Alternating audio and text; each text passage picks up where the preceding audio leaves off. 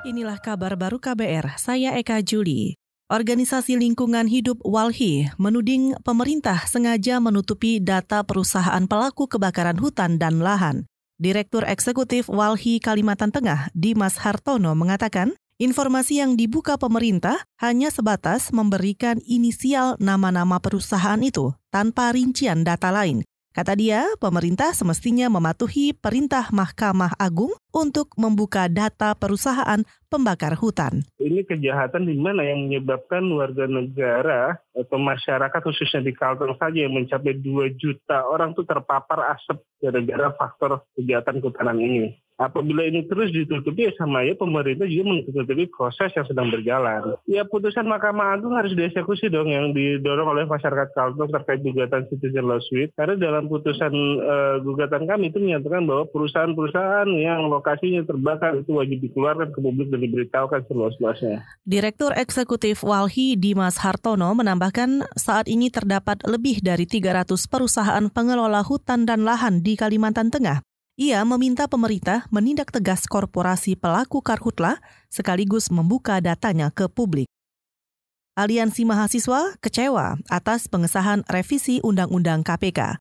Perwakilan aliansi Deantra Dimas mengatakan, pemerintah dan DPR terkesan bekerja sama agar proses revisi segera tuntas tanpa mempertimbangkan aspirasi publik. Dalam unjuk rasa di gedung DPR kemarin, mahasiswa juga menyatakan menolak pengesahan revisi Undang-Undang Kitab Hukum Pidana RKUHP karena banyak pasal dalam revisi tersebut yang dinilai menggerus demokrasi. Karena kita ketahui di janji-janji pemerintah, khususnya Pak Jokowi dan DPR, itu dia ingin memajukan rakyat. Tapi nyatanya permasalahan-permasalahan koruptor itu sekarang merajalela dan disahkan.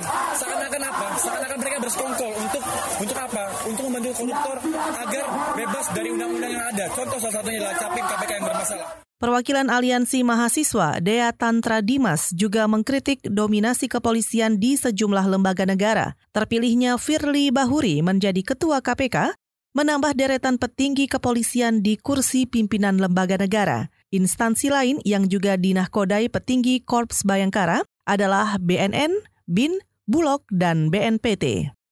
Saudara Komisi Agama DPR dan pemerintah menyepakati rancangan undang-undang pesantren Menteri Agama Lukman Hakim Saifuddin mengatakan, rancangan undang-undang pesantren selanjutnya akan dibawa ke rapat paripurna untuk disahkan. Sudah sepakat, jadi ini sudah selesai pembicaraan tingkat satu dan lalu kemudian akan dibawa ke paripurna untuk disahkan ya. Itu tadi Menteri Agama Lukman Hakim Saifuddin. Kemarin, rapat panitia kerja rancangan undang-undang pesantren berjalan cukup alot, memperdebatkan pasal 49 ayat 1 rancangan undang-undang pesantren tentang dana abadi. Draft awal menyebut pemerintah menyediakan dan mengelola dana abadi pesantren. Namun akhirnya disepakati bahwa dana abadi untuk pesantren bersumber dari dana pendidikan. Pemerintah mendorong eksplorasi dan investasi di sektor energi panas bumi melalui program Government Drilling. Program ini bertujuan mengurangi resiko perusahaan dalam tiap kegiatan eksplorasi.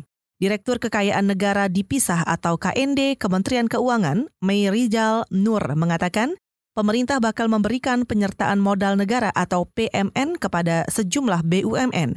Salah satunya PT Geodipa Energi yang menjadi PMN sebesar 700 miliar rupiah pada 2020. Pembiayaannya ini di, berasal dari pemerintah dan juga sebagian berasal dari bantuan Bank Dunia.